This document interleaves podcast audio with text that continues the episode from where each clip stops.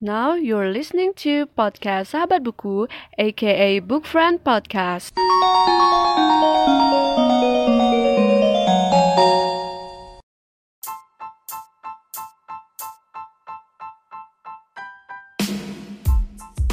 Hello, everybody, and welcome to podcast Sahabat Buku, aka Book Friend Podcast.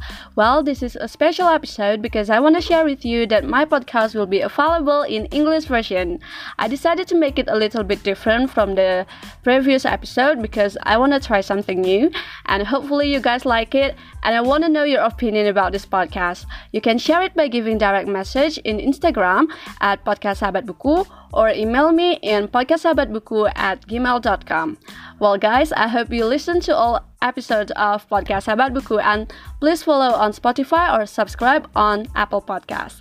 Podcast Sahabat Buku is a podcast which share about book review and reader's experience after reading a book. And I also share some reader's view and opinions about everything related to books and reading in sharing session episode.